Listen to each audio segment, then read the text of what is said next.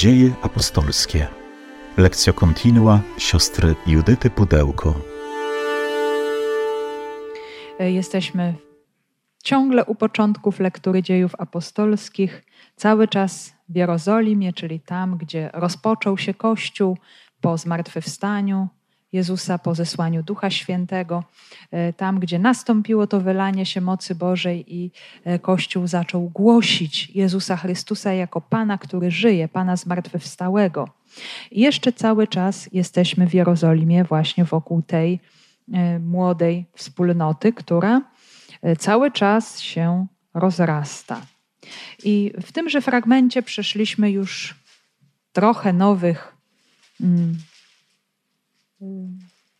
momentów, scen i widzieliśmy właśnie zesłanie Ducha Świętego i od razu w efekcie zesłania Ducha Świętego dzieją się znaki i cuda, bo to jest ta manifestacja mocy zmartwychwstałego Pana. Tam, gdzie On jest, e, tam, gdzie są ludzie, którzy wierzą w Jego obecność, w Jego moc, w to, że jest On Panem życia, tam pojawiają się oznaki tego życia, takie albo inne. E, I oczywiście największym znakiem zwycięstwa Jezusa, Jego zmartwychwstania jest to, co się dzieje z wnętrzem człowieka. To jest właściwie największy cud, jaki się może stać w człowieku. Wcale nie y, uzdrowienie ciała z takiej czy innej choroby, wcale nie nawet wskrzeszenie zmartwych do tego doczesnego życia, bo i tak umrzemy, tak czy inaczej więc to się odwlecze, to nie uciecze po prostu.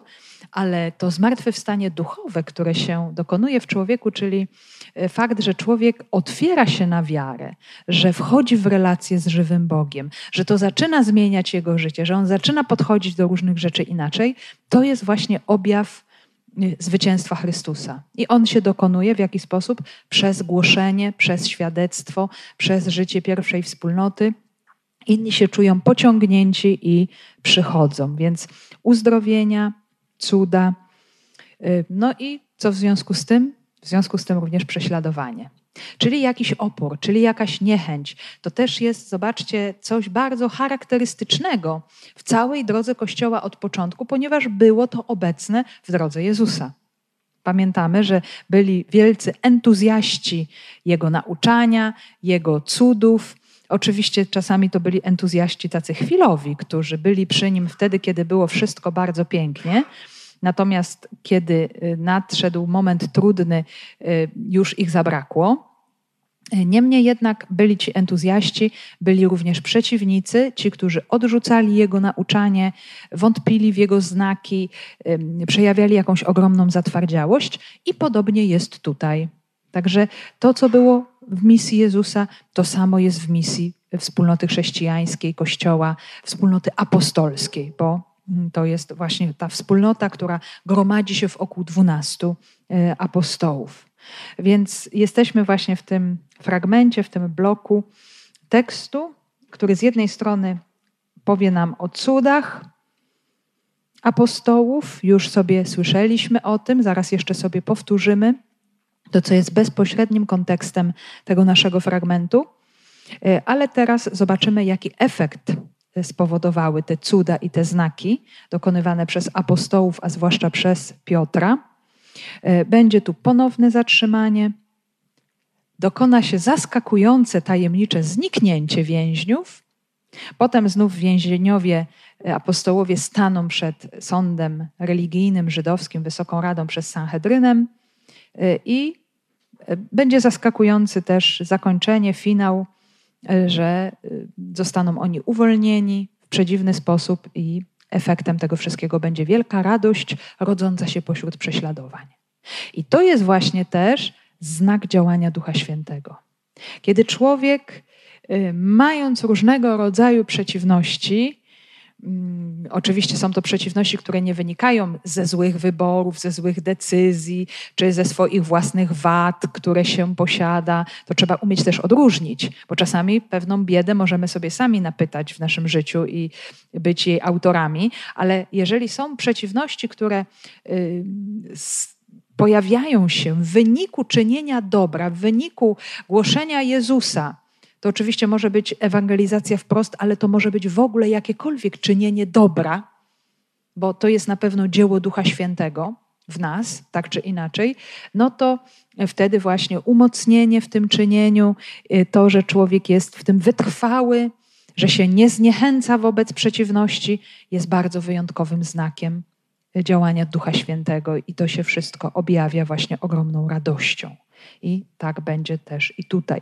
Więc przed nami taki właśnie większy fragment, y, wersety 17-42 piątego rozdziału. My dzisiaj przeczytamy sobie połowę tego fragmentu.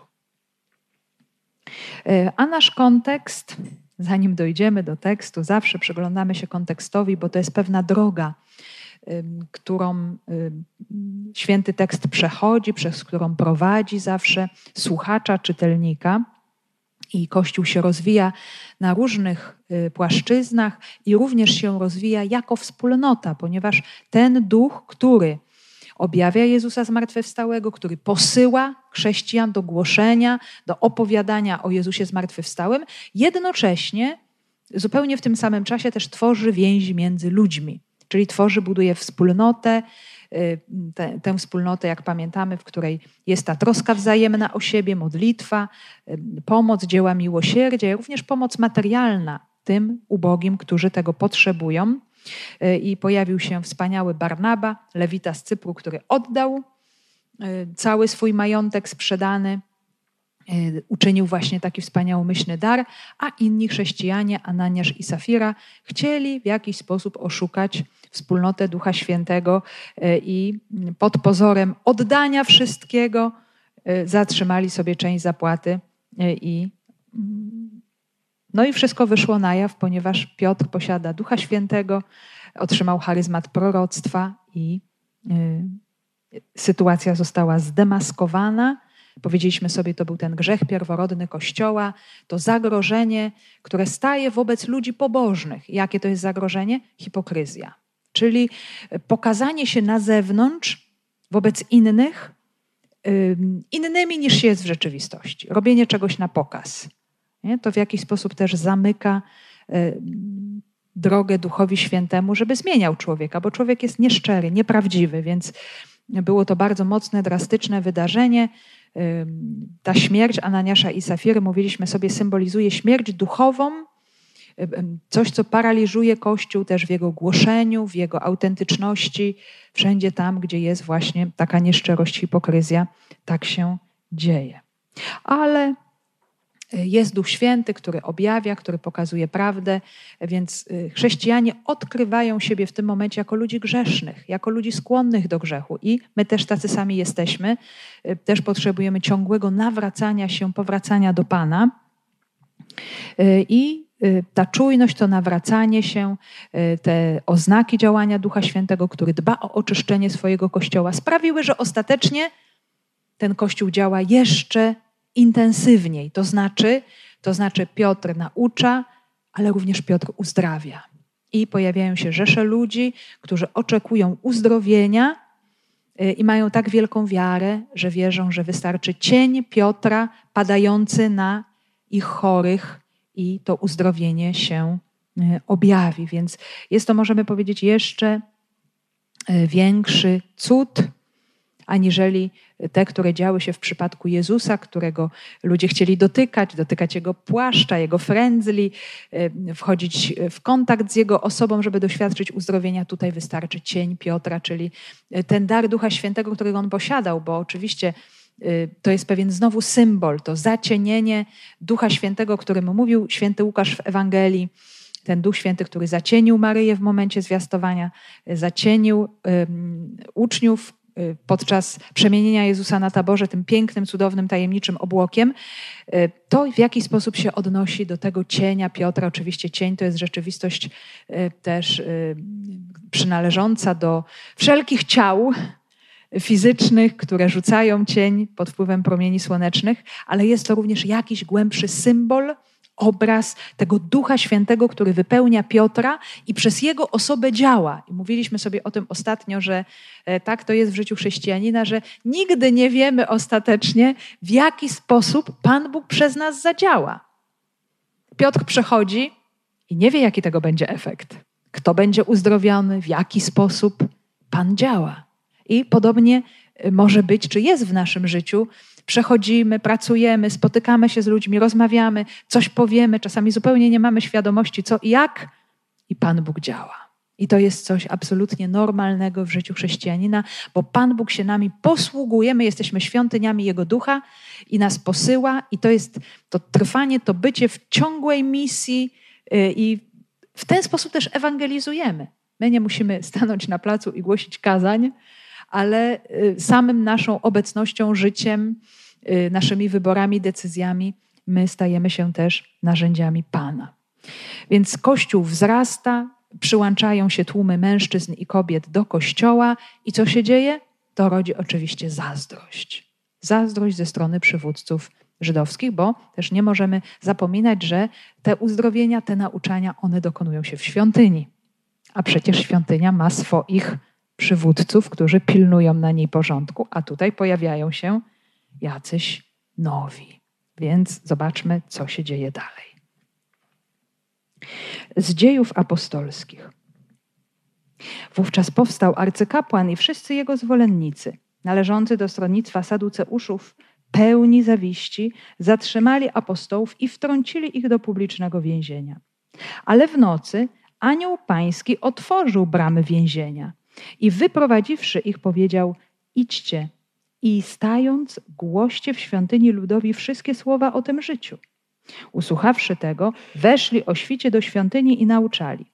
Tymczasem arcykapłan i jego stronnicy zwołali Sanhedryn i całą starszyznę synów Izraela. Posłali do więzienia, aby ich przyprowadzono.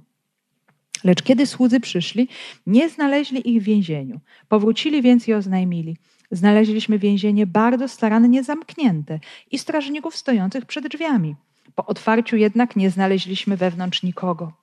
Kiedy dowódca straży świątynnej i arcykapłani usłyszeli te słowa, nie mogli zrozumieć, co się z tamtymi stało. Wtem nadszedł ktoś i oznajmił im: Ci ludzie, których wtrąciliście do więzienia, znajdują się w świątyni i nauczają lud. Wtedy dowódca straży poszedł ze sługami i przyprowadził ich, ale bez użycia siły, bo obawiali się ludu, by ich samych nie ukamienował. Wówczas powstał arcykapłan i wszyscy jego zwolennicy należący do stronnictwa Saduceuszów pełni zawiści. Zatrzymali apostołów i wtrącili ich do publicznego więzienia. Także mamy tutaj sytuację, w której po raz drugi już apostołowie zostają pojmani. Wcześniej nastąpiło to tuż po fakcie uzdrowienia e, człowieka chromego, co jak pamiętamy dokonało się na dziedzińcu świątyni. Y, nastąpiło wielkie poruszenie. Widząc to poruszenie, przybyli strażnicy świątynny, pojmali Piotra i Jana i wtedy ich poprowadzono przed y, arcykapłanów. I wtedy oczywiście było to wszystko też związane z tym, że oni głosili zmartwychwstanie Jezusa i zmartwychwstanie umarłych w Jezusie. Y, to był oczywiście zarzut też związany z tym, że y, świątynią zawiadywali saduceusze, a byli to ludzie nieuznający wiary w zmartwychwstanie. Więc oni absolutnie nie chcieli, żeby się roznosiły wiadomości tego rodzaju. Więc otrzymują zakaz przemawiania w to imię. Nie przemawiali w imię Jezusa, ale oczywiście apostołowie odrzucają ten nakaz. Dlaczego? Bo bardziej trzeba słuchać Boga aniżeli ludzi. I to jest kolejna bardzo ważna zasada też chrześcijanina, że w podejmowaniu swoich decyzji zawsze sobie zadaje pytanie, co Pan Bóg na to? Co On na to? Co by Jezus w tej sytuacji zrobił? I tego mam się trzymać. Mam słuchać bardziej Boga niżeli ludzi.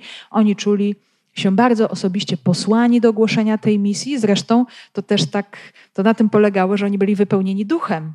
I ten duch im po prostu nie pozwolił usiedzieć na miejscu. On ich nieustannie popychał w jedną czy w drugą stronę, czy tu, czy tam, więc oni zupełnie nie mogli zatrzymać tej dobrej nowiny w sobie. Natomiast teraz dzieje się jeszcze coś kolejnego. To oddziaływanie apostołów wzrasta. Cały czas się dokonują cuda i znaki. Ludzie są poruszeni. Y, jak wcześniej słyszeliśmy ostatnio, mężczyźni i kobiety, kobiety stają się wierzącymi, czyli nie jest to tylko jakaś zewnętrzna przynależność, czy przystajemy do tej organizacji, bo ta organizacja coś nam tutaj daje. Y, właśnie, co nam daje? No na przykład właśnie uzdrowienie z naszych chorób. I to by była rzecz taka bardzo korzystna. No kto by nie chciał otrzymywać właśnie jakichś profitów. Natomiast o te profity w ogóle nie chodzi. To są jakieś tylko oznaki, przejawy działania ducha, bo bardzo wyraźnie y, czytaliśmy ostatnio o tych, którzy y, stawali się wierzącymi w Jezusa, przyjmowali wiarę. I to jest y, warunek, i to jest motyw, dla którego ludzie mogli przynależeć do tej wspólnoty, do tej grupy. Żadnego innego motywu nie było. Nie było możliwe inaczej stać się chrześcijaninem, jak tylko przyjąć Jezusa i uwierzyć w Niego. Więc e, to był taki, możemy powiedzieć, taka droga właśnie e, otwierania się na wiarę. No i oczywiście kolejne reakcje władz świątyni. E, oni się tutaj czują autorytetami. Zobaczmy, podobnie było w przypadku Jezusa, kiedy nauczał w świątyni, czyli też na dziedzińcu pogan, tam gdzie się odbywało nauczanie, czy się dokonywały różnego rodzaju napięcia, znaki typu e, przyłapanie kobiety na cudzołóstwie, przyprowadzają do Jezusa do świątyni tę kobietę, czy e, właśnie Jezus oczyszcza świątynię. W Ewangeliach synoptycznych mm, czytaliśmy też o tym, przepędza handlujących, pokazuje ten znak, że świątynia już dochodzi do swojego kresu, bo teraz będzie nowa świątynia, czyli on sam, i cały czas napięcia, problemy, które ostatecznie doprowadziły do y, pojmania Jezusa i jego ukrzyżowania. I tutaj też jest podobnie, bo y, pojawiają się jacyś ludzie, którzy mm, powodują poruszenie na ich terenie. Arcykapłani i cała służba świątynna się czuje tutaj autorytetami. My tutaj na tym terenie sprawujemy władzę, a tutaj jacyś ludzie nieautoryzowani pojawiają się i sieją nam zamęt. Więc sytuacja się wymyka spod kontroli i trzeba w jakiś sposób zadziałać. Oczywiście w jaki sposób? Przy użyciu siły. To jest właśnie y, taka próba ludzka. To człowiek czasami próbuje zrobić, kiedy coś mu się wymyka spod kontroli, no to ja tu zrobię wszystko, żeby chwycić to w rękę odpowiednio, więc. A siła apostołów wzrasta, to oddziaływanie. Więc trzeba coś zrobić.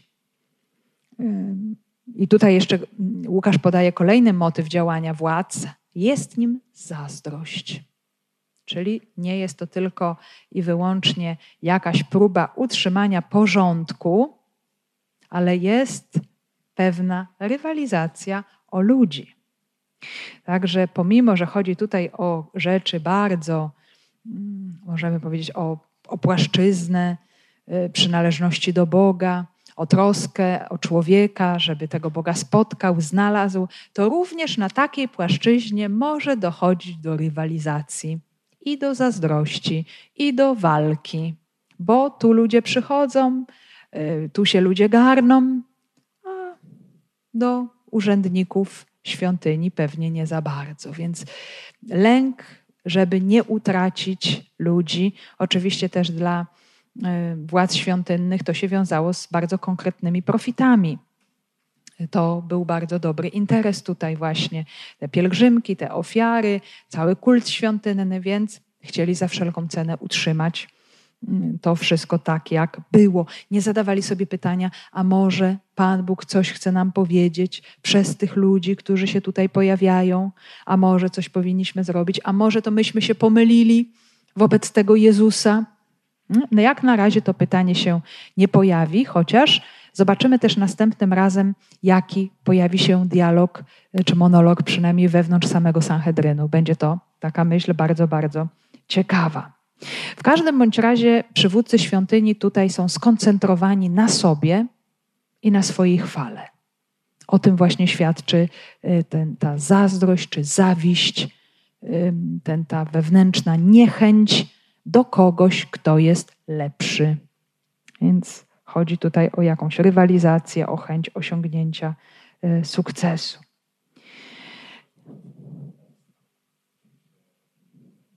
To jest takie, można powiedzieć, bardzo dosłowne tłumaczenie. Powiedzieć, że ktoś powstał, to znaczy zrobił coś w tym kierunku. Znaczy powstał, czyli zaczął działać w takim rozumieniu. Nie, nie chodzi tylko o, tutaj o jakiś fizyczny ruch. Tak, podjął jakieś działanie, e, razem zaczęli działać właśnie w tym kierunku, żeby sprzeciwić się temu wszystkiemu, co robią apostołowie. Mm, więc taki e, tutaj czasami trochę jest to tłumaczenie niegładkie, ale bardziej dosłowne, e, tak jak to tekst grecki nam pokazuje. To też jest jakimś, możemy powiedzieć, takim, taką, takim przeciwieństwem tego powstania, które dokonuje się w Jezusie. Bo w Jezusie też się dokonuje powstanie. Tylko to powstanie to jest zmartwychwstanie. To jest wejście do nowego życia. Czyli można powstać, żeby żyć i żeby innym przekazywać życie, prawdziwe życie Jezusa. Będzie o tym życiu też za chwilę mowa. A można powstać, żeby kogoś zabić żeby kogoś zniszczyć. Więc tutaj wszystko zależy, w jakim kierunku człowiek koncentruje swoje siły. Y, I o kogo tutaj chodzi też? Y, o apostołów. Nie ma tutaj imienia, chociaż nam za chwilę się pojawi gdzieś na horyzoncie podczas przesłuchania znów święty Piotr, bo on jest przywódcą, on jest tym liderem wspólnoty, więc zabiera głos najczęściej, ale tutaj już pojawia się właśnie to stwierdzenie grupowe, wyrażenie grupowe apostołowie. Wcześniej to był Piotr Jan w przypadku Chromego i całej tej historii z tym związanej. Tutaj natomiast mamy apostołów. I zostają wtrąceni do publicznego więzienia, y, czyli właśnie jest zastosowana wobec nich jakaś przemoc, są zatrzymani po to, żeby mógł spokojnie na następny dzień zgromadzić się sąd religijny, czyli Sanhedryn, żeby oni nie uciekli, są bardzo dobrze pilnowani. I tutaj to wyrażenie publiczne więzienie można też przetłumaczyć, zostali wtrąceni publicznie do więzienia. Co to oznacza? Że celowo to zrobiono też przy innych ludziach, którzy byli tam zgromadzeni w świątyni, po to, żeby no, wywrzeć jakieś wrażenie, że zobaczcie, tutaj nie ma żartów i lepiej z tymi ludźmi nie mieć nic wspólnego. Y, żeby powstrzymać właśnie te kontakty z apostołami. Oczywiście wiemy, że im bardziej apostołowie byli prześladowani, to tym bardziej inni do nich przychodzili i się do nich garnęli, więc efekt jest całkowicie odwrotny. I moi drodzy, jest to sytuacja, taka pierwsza sytuacja takiego większego kryzysu zewnętrznego. Zobaczcie, przed chwilą była sytuacja kryzysu wewnętrznego, jakim był grzech Ananiasza i Safiry. Duch Święty zadziałał. E, teraz mamy kolejną sytuację kryzysu zewnętrznego, czyli e, ktoś próbuje zatrzymać Słowo Boże. Zatrzymać je, zahamować, zablokować. I to wcale nie jest byle kto, bo e, musimy sobie też to dobrze uświadomić, że w tym momencie jeszcze wspólnota chrześcijańska funkcjonuje w ramach oficjalnie wspólnoty żydowskiej. Ale to jest wszystko jedno. Oni są tak jakby, możemy powiedzieć, jakimś takim mini stronnictwem, jeszcze na razie mini stronnictwem, bo ten judaizm był bardzo zróżnicowany i byli tacy i inni, i faryzeusze, i sadyceusze, i herodianie, i i y, zwolennicy takiego nauczyciela czy innego, jakieś pomniejsze podgrupy. No więc tu są właśnie tacy Żydzi, którzy uwierzyli, że Jezus Nazaretu jest Mesjaszem, co więcej, Synem Bożym. I oni stanowią kolejne ugrupowanie wewnątrz judaizmu. Natomiast właśnie arcykapłan i Rada Żydowska, tak samo jak to było w, w przypadku Jezusa, to są ich przełożeni. To jest ich władza religijna. Więc to nie jest sytuacja łatwa, miła ani komfortowa. To jest sytuacja właśnie bardzo, bardzo trudna. Y, oczywiście tutaj wiemy, że to uwięzienie się też dokonało ze względu na podejście arcykapłanów do rzeczywistości zmartwychwstania, bo to byli saduceusze, którzy to zmartwychwstanie odrzucają i to też było y, z tym związane, ale dzieje się właśnie coś absolutnie niezwykłego. Ale w nocy anioł pański otworzył bramy więzienia i wyprowadziwszy ich powiedział: Idźcie i stając głoście w świątyni ludowi wszystkie słowa o tym życiu. Nie, rzecz niezwykła. Uczniowie, apostołowie są uwięzieni i z kontekstu dalszego będziemy mogli wyczytać, że byli bardzo dobrze pilnowani, że było wszystko bardzo dobrze pozamykane. Byli strażnicy, że to nie była taka prosta sprawa, że można sobie wstać i wyjść. Czyli to Słowo Boże zostało ograniczone, zostało jakby zamknięte, zakute, zostało zakute w kajdany. No i co teraz? E, nic nie słychać, żeby apostołowie lamentowali, rozpaczali czy płakali, ale oczekują na to, co, co Jezus na to.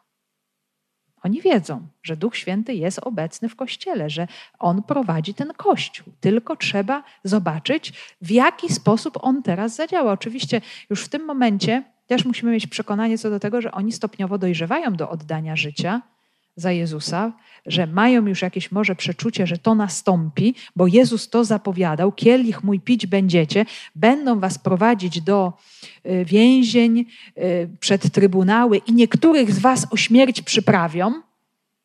Więc na pewno też Duch Święty im przypominał te słowa Jezusa, że oni się stawali coraz bardziej świadomi tego, że, że to nie jest zabawa, że to nie są przelewki, że tutaj w pewnym momencie pewnie będzie chodziło o najwyższą cenę.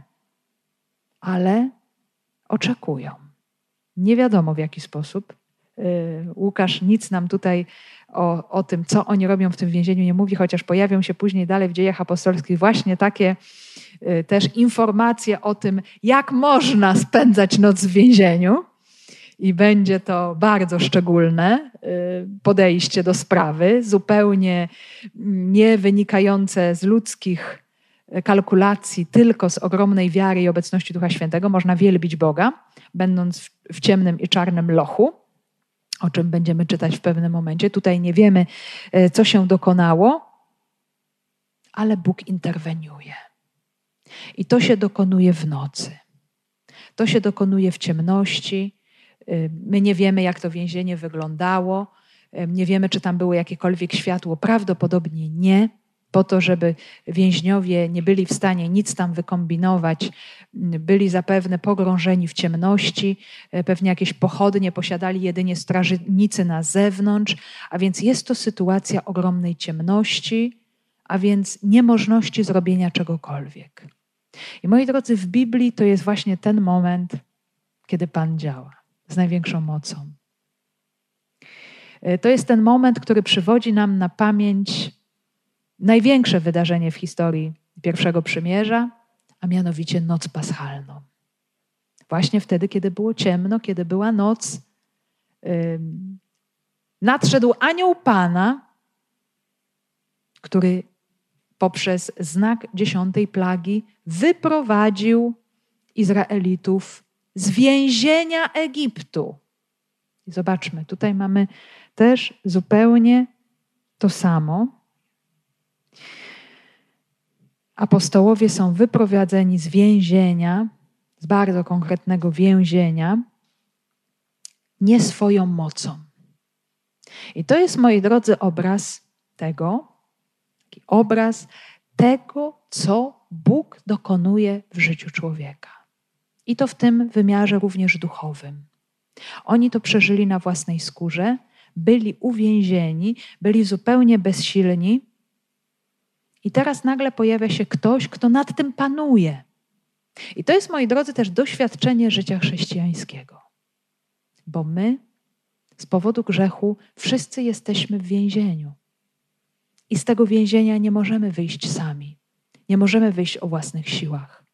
Nie potrafimy zmienić samych siebie. No może na chwileczkę nam się uda, jak sobie zaciśniemy zęby i chwilę się powysilamy, ale każdy, kto próbował ileś razy, to wie, że nie jest w stanie sam zmienić siebie, zmienić swojego życia o własnych siłach. I doświadcza jakiegoś więzienia.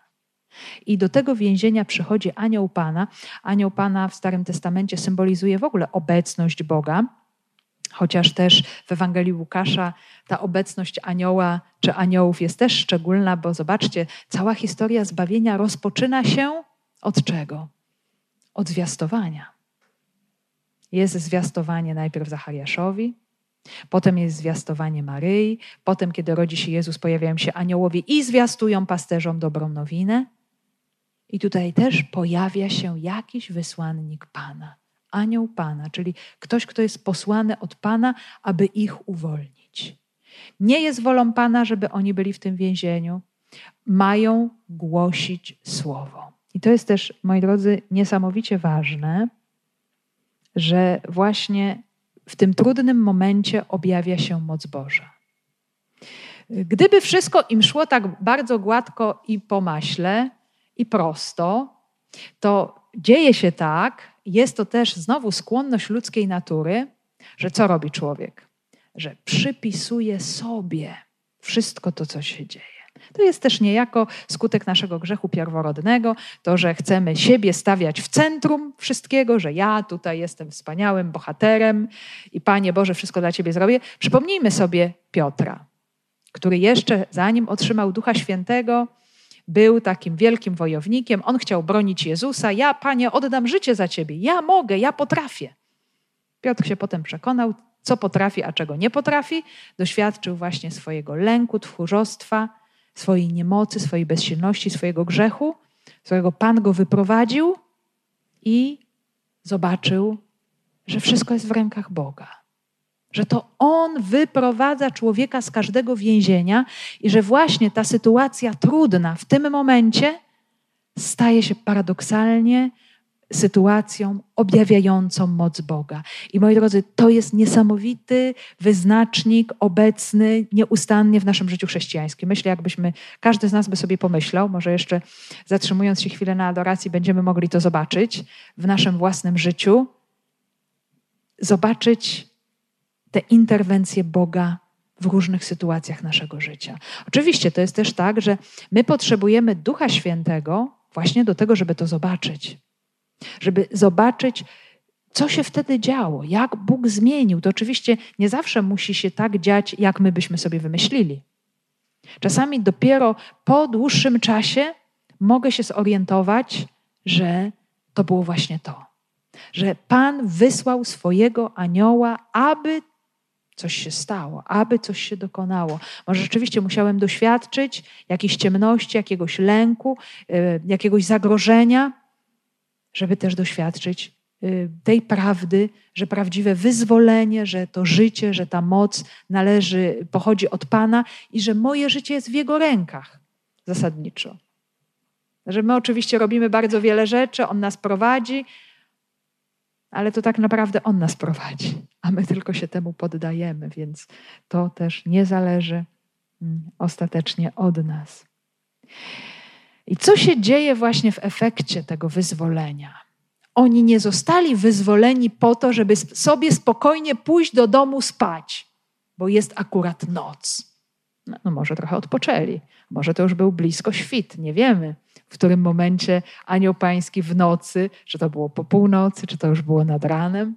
Możemy sobie przypomnieć, jak Jezus przychodził do przestraszonych apostołów o czwartej straży nocnej, czyli już nad ranem, kiedy oni doświadczyli już tego wewnętrznego zmagania się i trudu i niepewności. Nie wiemy, kiedy to nastąpiło. W każdym bądź razie oni zostali wyzwoleni nie po to, żeby się zająć samymi sobą i żeby się troszczyć o swoje własne życie, ale zostali uwolnieni po to, żeby głosić. Bo to jest zadanie chrześcijanina nieść dalej prawdę o Jezusie zmartwychwstałym. I, I pojawia się właśnie też to polecenie nie uciekać idźcie, stając, głoście w świątyni ludowi wszystkie słowa o tym życiu. I zobaczcie, tak jak arcykapłan powstał, aby to słowo zatrzymać. Ktoś, kto ma moc, ktoś, kto ma z ludzkiego punktu widzenia władzę i może jej użyć, kiedy będzie chciał, bo ma do tego też ludzi, ma do tego narzędzia. Tak, apostołowie zupełnie możemy powiedzieć bezsilni e, w tym momencie. Oni mają powstać również po to, żeby to słowo życia głosić. Y, zupełnie inny wymiar e, rzeczywistości nam się tutaj pojawia, ale właśnie to głoście jest o wiele silniejsze od tego wszystkiego, co się dzieje wcześniej, sprzeciwia się tym nakazom zabraniającym, Wolą Boga jest to, żeby lud otrzymał słowo życia. I tutaj zobaczcie, jest to bardzo mocno podkreślone. Wszystkie słowa o tym życiu. Co to jest to życie? To życie to jest sam Jezus. On jest życiem. I w jaki sposób człowiek może to życie otrzymać? No w taki sposób, kiedy to życie mu jest głoszone. Kiedy on może się na nie otworzyć, kiedy może dojrzeć stopniowo do decyzji: Ja chcę przyjąć życie od Jezusa.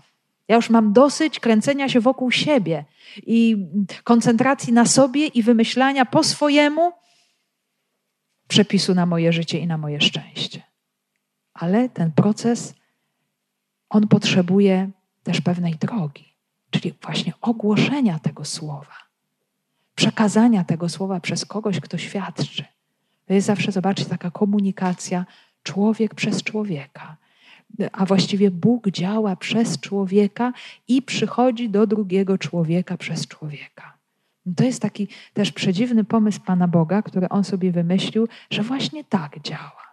Że rzadko kiedy objawia się bezpośrednio, czasami tak, ale zasadniczo przychodzi do człowieka przez człowieka. I tutaj dlatego apostołowie zostali wyzwoleni, uwolnieni. Zresztą też piękny obraz, zaraz, zaraz zobaczymy. Nie ma żadnego znaku, że się cokolwiek stało. Nie ma. Bóg nie potrzebuje żadnych kluczy, żeby otworzyć więzienie. On ma bezpośrednią moc nad wszystkim. Pamiętamy, jak Jezus przechodził przez drzwi zamknięte po zmartwychwstaniu? I tutaj chyba dokonuje się coś podobnego. Że człowiek wypełniony Duchem Świętym może otrzymać jakby właściwości ciała zmartwychwstałego. Bóg może tak uczynić. My oczywiście też mamy różne świadectwa tego rodzaju sytuacji. Jak czytamy historię świętych, jak patrzymy, jakie mieli dary, charyzmaty, byli w dwóch miejscach naraz, przenosili się, pojawiali, przechodzili. Także to nie tylko okres apostolskiego kościoła, ale i dalej. Bóg może tak uczynić.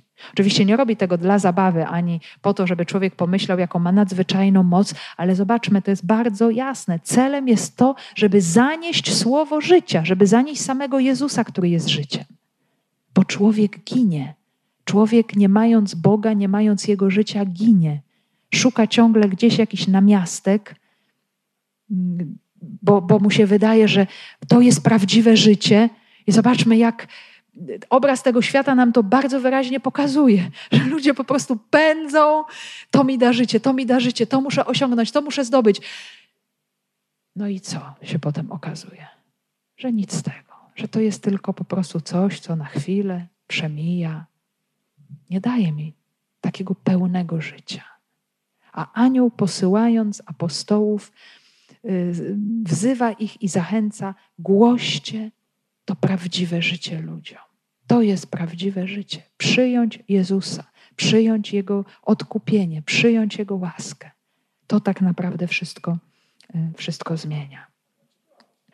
Apostołowie są zobowiązani do posłuszeństwa. Słyszymy takie stwierdzenie. Tak. Oni przyjęli, oni, oni przyjęli dar zbawienia, oni przyjęli spotkanie z Jezusem zmartwychwstałym, które ich całkowicie przemieniło i w związku z tym oni po prostu pragną go głosić, ale się całkowicie też poddają Bożemu prowadzeniu. My możemy też te różne wydarzenia z życia Kościoła, jak moi drodzy, jesteście trochę bardziej dociekliwi i chcecie jeszcze poszerzyć y, te opowiadania kolejnych wydarzeń z historii pierwotnego Kościoła, zawsze można poszerzać jeszcze listami świętego Pawła. Kiedy Paweł mówi: Biada mi, gdybym nie głosił Ewangelii. Y, albo y, wszystko to czynię ze względu na wybranych, aby Słowo Boże nie uległo skrępowaniu. On, człowiek, który ma w sobie Ducha Świętego, on po prostu nie może tego w sobie zatrzymać. On tego niesamowicie pragnie. A ten anioł pojawił się po to, żeby jeszcze raz powtórzyć, y, niejako wyrazić, wyartykułować, do tego jesteście posłani. I oni to bardzo chętnie czynią. Zresztą cała sytuacja zostanie przez Piotra skomentowana, jak dojdziemy do drugiej części, e, kiedy apostołowie staną przez Sanhedrynem.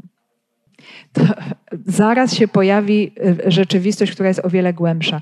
To było pewne, pewne posłuszeństwo dyscyplinarne dotyczące kwestii kultu, oczywiście bo byli, byli członkami wspólnoty narodu żydowskiego i posłuszeństwo do, dotyczyło pewnego porządku na terenie świątyni, że każdy ma robić to, co do niego należy.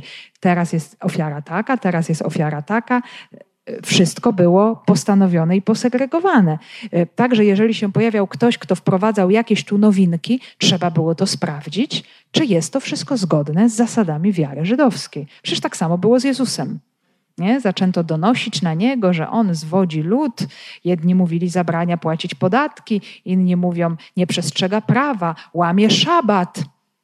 I to był właśnie powód, dla którego Jezus został postawiony przed władzą żydowską.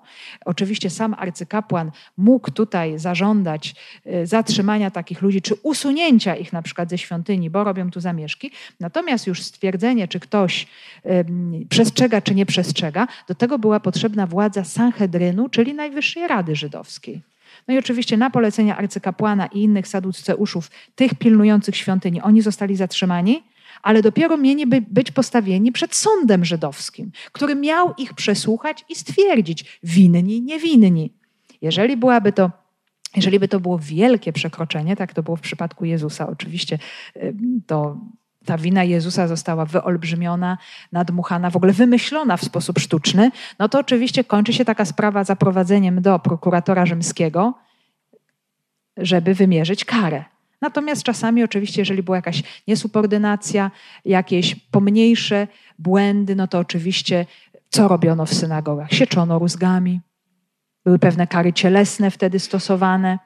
Czy na przykład y, były też w synagodze pewne kary cielesne, takie we wspólnotach synagogalnych, że na jakiś czas zabraniano uczestniczyć we wspólnocie, w zebraniach synagogi, żebyś człowieku sobie trochę popokutował, pomyślał, zastanowił się, zmienił swoje zachowanie i potem za jakiś czas wróć. Więc to były różnego rodzaju sankcje, no na pewną niesubordynację i tutaj e, to musiało być wykazane, co ci ludzie w ogóle robią, co się dzieje, jakieś zbiegowisko, jakieś tłumy, jakieś wielkie poruszenie, czy to dobrze, czy to niedobrze, więc wszystko to musiało być sprawdzone.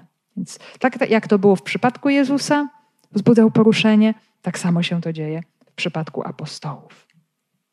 No i oczywiście apostołowie są posłuszni. Potem usłyszymy po raz kolejny, dlaczego są posłuszni, bo bardziej trzeba słuchać Boga aniżeli ludzi. Idą do świątyni i nauczają, o czym nam mówi kolejny werset. Usłuchawszy tego, weszli o świcie do świątyni i nauczali. Tymczasem arcykapłan i jego stronnicy zwołali Sanhedryn i całą starszyznę synów Izraela. Posłali do więzienia, aby ich przyprowadzono. Więc oczywiście wszyscy mm, rządzący uważają, że apostołowie są w więzieniu, bo przecież zostali zatrzymani, bo przecież my mamy nad nimi władzę y, i oni są zamknięci i powinni być tam, gdzie my ich wtrąciliśmy. Więc to też oczywiście się odnosi do Jezusa, który nauczał świątyni, jeszcze zanim został pojmany, modlił się na Górze Oliwnej, o tym mówi nam Ewangelia Łukasza, a rano przybywał do świątyni, nauczał i cały lud przychodził do niego. I znów podobnie czynią apostołowie. Tutaj widać właśnie taką przedziwną przedziwny rozdźwięk, y, takie rozejście się tych dwóch dróg, podczas gdy arcykapłani stosują pewną przemoc, y, pokazują swoją władzę, y, chcą to działanie apostołów zatrzymać, w tym samym dokładnie czasie, mając pewność, że tak się dzieje, apostołowie są wolni i głoszą Słowo Boże. Więc to jest to, o czym sobie mówiliśmy też na samym początku, wprowadzając w dzieje apostolskie, czym one są. E, I też wracamy do tej prawdy, że Słowa Bożego nie można zatrzymać. I kolejna prawda, im bardziej się próbuje to Słowo Boże zatrzymać, czy te prześladowania chrześcijan e, wzmóc, to to Słowo Boże tym bardziej się pomnaża. Jego się po prostu nie da zatrzymać, ponieważ jest to dzieło Ducha Świętego. I zobaczcie, to nam pokazuje cała historia Kościoła. Im były większe prześladowania chrześcijan, tym ta wspólnota bardziej rosła i rozkwitała. tym to świadectwo stawało się skuteczniejsze. Więc nie można, nie można zatrzymać dzieła Bożego. I to słowo jest, posiada moc Ducha Świętego, dlatego ono będzie po prostu też nieustannie oddziaływać. Lecz kiedy słudzy przyszli, nie znaleźli ich w więzieniu. Powrócili więc i oznajmili: Znaleźliśmy więzienie bardzo starannie zamknięte i strażników stojących przed drzwiami. Po otwarciu jednak nie znaleźliśmy wewnątrz nikogo. Więc bardzo wielkie zadziwienie, więzienie zamknięte, strażnicy stoją, nic nie naruszone. To nam pokazuje to, o czym mówiłam też przed chwilą, bardzo wyraźny obraz, że nie jest to interwencja ludzka, że nie nastąpiło tak zwane odbicie wzięcie szturmem więzienia, że inni chrześcijanie przyszli w nocy i urządzili tutaj odbijanie swoich przywódców. Nie, zostawili tę rzecz Panu, który zadziałał sam. Więc nie ma tutaj żadnych oznak działania ludzi, czyli po ludzku nic się nie stało i Bóg nie potrzebuje takich narzędzi. Nie potrzebuje żadnych łomów, żadnych kluczy. Nikt się tego nie spodziewał. Bóg działa na swój sposób. Więc tu się objawiło, nie było żadnych śladów wyjścia, przejścia. Zobaczcie, coś z tajemnicy zmartwychwstania. Kiedy Jezus powstawał z grobu, no owszem, było to wielkie trzęsienie ziemi, wielka jasność, anioł pański z nieba stąpił, ale tak naprawdę tego zmartwychwstania nikt nie widział. Nikt nie widział. To jest dzieło Boże, które się dokonało. I tutaj w tej historii e, chrześcijan dzieje się coś podobnego że oni doświadczają, przyjmując ogromną wiarą Ducha Świętego i prawdę o zmartwychwstaniu, oni jakichś okruchów tego zaczynają doświadczać na samych sobie. I to jest też coś normalnego w chrześcijaństwie, że nagle zaczynają odkrywać, jak ten Bóg naprawdę działa. Że to nie jest tylko coś, o czym ja mogę sobie pomyśleć, ale że to jest bardzo konkretna rzeczywistość. I tak się dokonuje. I to nie będzie jedno tego rodzaju wydarzenie. Tych wydarzeń będzie bardzo, bardzo wiele. Oczywiście też nie chodzi o to, że apostołowie muszą zachować to swoje życie na wieki wieków. Amen, bo oni te życie już niebawem oddadzą. Ono się zakończy po jakimś tam czasie y, i to się zakończy w przypadku większości prawie wszystkich męczeństwem, ale chodzi o to, żeby pokazać tutaj, kto kieruje ich życiem. Duch Święty ich prowadzi i będą głosić i będą nieść Ewangelię tyle, ile zostało im naznaczone. I oni się też uczą właśnie tej ogromnej wrażliwości na słuchanie Boga, mm, co mają przyjąć, co mają, jak mają odpowiedzieć i są posłuszni. Są posłuszni Duchowi Świętemu. Kiedy dowódca Straży Świątyny i arcykapłani usłyszeli te słowa, nie mogli zrozumieć, co się z tamtymi stało. Czyli bardzo prosta sprawa. Ci, którzy nie mają Ducha Świętego, nie potrafią zrozumieć Jego działania. Nie potrafią, widząc nawet jawne znaki, nie potrafią tego zinterpretować. I to jest, moi drodzy, też właśnie coś takiego, że żeby zobaczyć pewne cuda, które Bóg czyni, a Bóg je czyni nieustannie. Każda rzeczywistość, chociażby sakramentów, liturgii, to jest cud. To jest cud, który się dzieje na naszych oczach. No ale kto to zobaczy? Ten, kto wierzy. Właśnie to jest taki przedziwny paradoks, że cuda wcale nikogo nie muszą przekonać do niczego. Człowiek, który nie wierzy, nie zobaczy nic. I tutaj nie rozumieją, co się stało. No skoro wszystko zamknięte, a ludzi nie ma, to może Bóg zadziałał w jakiś niezwykły sposób. Nie ma zupełnie takiej refleksji, czyli zobaczmy, do zobaczenia Boga potrzebna jest wiara. Choćby ten Bóg działał w absolutnie nadzwyczajny sposób. I kolejna sprawa to jest też taka, że no właśnie to zadziwienie też jest jakimś szokiem, bo oni myśleli, że kierują historią, że mają wielką władzę. Y, mieli tę władzę y, oczywiście na terenie świątyni i Rzymianie im tę władzę zapewniali, bo Każdorazowy arcykapłan był potwierdzany przez e, władzę rzymską, musiał być autoryzowany, więc oni czuli się pewni.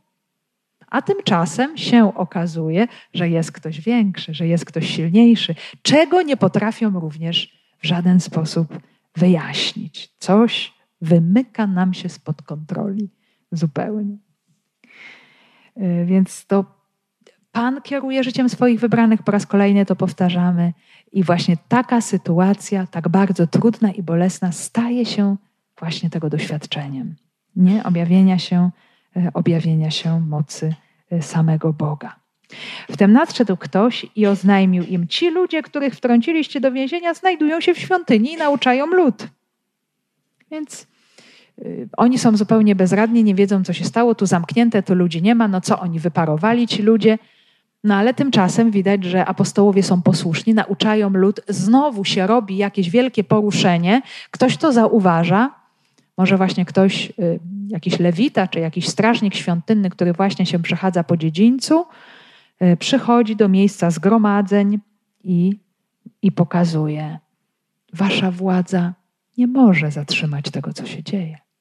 Ci ludzie wymykają się wam zupełnie spod kontroli. Jest to taki swoisty paradoks nawet y, scena, która mogłaby nas wręcz rozbawić, czy zadziwić, czy zadać nam pytania. No to w takim razie, no kto tutaj ma coś do powiedzenia na tym terenie? Pokazuje się, że ci, którzy, którym się to wydaje, nie za bardzo mają tutaj coś do powiedzenia. Ktoś inny kieruje i, i ustawia zasady gry, co się tutaj będzie działo. Więc cały czas tutaj objawia się ta konfrontacja bardzo mocna konfrontacja. Słowo ludzkie, rozkaz ludzki, wola ludzka i to, czego chce Bóg. Nie? Zupełnie y, inne spojrzenie też na tę rzeczywistość. Więc, więc y, nauczają, chociaż im zabroniono, ale wiedzą, że są posłani przez Jezusa i to jest cała treść ich życia. Głosić Ewangelię, nie można skrępować słowa. Mm, oni są posłuszni, i są bardzo w tym posłuszeństwie konsekwentni, bo wiedzą, że tylko w taki sposób to życie się w pełni e, objawi. Wtedy dowódca straży poszedł ze sługami i przyprowadził ich, e, ale bez użycia siły, bo obawiali się ludu, by ich samych nie ukamienował. Więc co się teraz dzieje, że to strażnicy mają jakieś obawy i lęki wobec apostołów? Sytuacja się zupełnie odwraca. Dlaczego te obawy? Dlatego, że te słowa, które głoszą apostołowie, one trafiają do serc ludzi. Skoro nauczają lud, to znaczy, że ktoś tam do nich podszedł. Może nawet byli i ci świadkowie, którzy widzieli dzień wcześniej to pojmanie, że ci zostali zatrzymani, że zostali wtrąceni do publicznego więzienia, czy też zostali publicznie wtrąceni do więzienia, a teraz nauczają, jak to się stało, czyli mają jakąś moc, która nie pochodzi od nich samych. To zaczyna ludziom stawiać pytania. Oni są tutaj tymi, którzy popierają apostołów, więc strażnik w tym momencie czuje się zagrożony. Nie wiemy, co to oznacza do końca to stwierdzenie, przeprowadzono ich bez użycia siły. Być może po prostu ten strażnik zwrócił się do apostołów. No, może pójdziecie z nami jednak, bo jesteście oczekiwani w miejscu przesłuchania. No i tak też się stało, że apostołowie, mając to doświadczenie mocy Boga tak niezwykłej, w zupełnej wolności i swobodzie, którą daje Duch Święty, byli w stanie oddać się w ręce e, prześladowców i pójść przed sąd, ale po co pójść przed sąd, przez, przed Najwyższą Radę, przez te autorytety religijne, żeby dać świadectwo znowu o Jezusie. I, I, tu się znów wypełni Ewangelia, zobaczymy to następnym razem, kiedy Jezus powie: To będzie dla Was możliwość do składania świadectwa, to kiedy Was postawią przed Trybunałem. Kiedy ci przywódcy będą mogli zobaczyć, jak wy, ludzie prości, niewykształceni, y, ludzie zasadniczo lękliwi, bojaźliwi, jesteście w stanie oddać życie. Ta moc Boża się przez was objawia to będzie również znakiem, to będzie świadectwem, które znów kolejnych ludzi otworzy na wiarę w Jezusa Chrystusa. I w taki sposób y, Duch Święty działa, posługując się człowiekiem. I posługuje się Piotrem, uzdrawiając przez jego cień, ale posługuje się tym Piotrem i innymi apostołami również przez to doświadczenie uwięzienia, niesprawiedliwości, trudnych doświadczeń, prowadząc apostołów według swojego zamysłu. Więc moi drodzy, tak już podsumowując, tak już podsumowując, co możemy powiedzieć, że trudna sytuacja w tym momencie dla apostołów staje się przestrzenią umocnienia ich wiary i też potwierdzenia ich misji. Bo zobaczmy, po tym wydarzeniu oni się będą czuli jeszcze bardziej pewni i przekonani dogłębnie. Nie, to nie jest jakieś nasze dzieło, które my sobie musimy realizować, ale to jest naprawdę dzieło Boże, w którym jesteśmy prowadzeni. I choćby się działo nie wiadomo co, my po prostu idziemy za tym. My się waliło i paliło. My słuchamy Ducha Świętego. My świadczymy o Jezusie. Nawet jeżeli to będzie wiązało się e, z jakimś zagrożeniem, z jakimś też cierpieniem. E, a Pan Bóg będzie działał, zobaczymy jeszcze w sposób bardziej zaskakujący, bo teraz nam się pojawił anioł niebiański, ten duchowy, ten z nieba, ten niewidzialny, który sprawił, że uczniowie stali się też niewidzialni, przeszli przez wszystkie drzwi, nabywając tak jakby y, możliwości ciała po zmartwychwstaniu, ale za chwilę, podczas tego posiedzenia Sanhedrynu, pojawi się inny anioł. I tym aniołem będzie faryzeusz Gamaliel, którym w sposób niespodziewanie Bóg się posłuży dla swojego dzieła. Więc to nam też pokaże, w jak niezwykły sposób Pan Bóg może działać. Może być ktoś, kogo nie lubimy, kto nas irytuje, denerwuje, złości, chociaż akurat Gamaliel był bardzo mądrym, uczonym w piśmie y, i faryzeuszem zresztą. Notabene to był mistrz duchowy pierwszy y, Szawła Starsu, y, więc nietuzinkowa postać, no ale jednak członek Sanhedrynu, faryzeusz, mający swoje podejście do rzeczywistości, odrzucający te różne nowinki, nowości, ale jednak Pan Bóg może się posłużyć kim chce. Również i w naszym życiu może się posłużyć kimś, kto by nam w ogóle nie przyszedł do głowy. Osobą zupełnie z innej bajki, tak byśmy powiedzieli. Może to zrobić? Może to zrobić. Tak jak w Starym Testamencie dla wyzwolenia Izraela posłużył się pogańskim królem Cyrusem, królem perskim, który prawdopodobnie o żadnym Bogu Izraela nigdy nie słyszał, tak samo Pan Bóg może się posłużyć kim chce. On jest absolutnie wszechmogący i raz nam pośle takiego anioła, który sprawi, że zadzieje się coś absolutnie niezwykłego, niewytłumaczalnego, tak jak się stało tutaj, a może też się stać tak, że Pan Bóg posłuży się kimś, kto zachowa się właśnie w danym momencie w taki sposób, jakbyśmy się zupełnie nie spodziewali. I to są właśnie te różne ciekawe historie ludzi, którzy są prowadzeni przez Ducha Świętego, który zawsze stwarza rzeczy nowe, który się nie powtarza i który wieje, kiedy chce i nigdy go nie złapiesz, nie uchwycisz, nie zamkniesz, nie opiszesz, nie ograniczysz, bo on jest ciągle nowy i y, jego inwencje się nie wyczerpują. Więc moi drodzy, zatrzymamy się tutaj w tym momencie. E, też zachęcam do takiej krótkiej refleksji w momencie naszej adoracji, czego nas uczą trudne doświadczenia życia. Patrząc na tych apostołów uwięzionych, możemy zadać sobie to pytanie, czego nas uczą te nasze trudne wydarzenia? Czy w jaki sposób Pan Bóg nas wyzwala? Jakie przeciwności każe nam przyjąć? E, jak te porażki wyglądają w naszym życiu, bo one nie Y, tak jakby nie zmieniają faktu, że jesteśmy wybrani przez Boga, że jesteśmy zaproszeni do świadczenia, że jesteśmy zaproszeni do tego, żeby być Jego kościołem, y, chrześcijanami.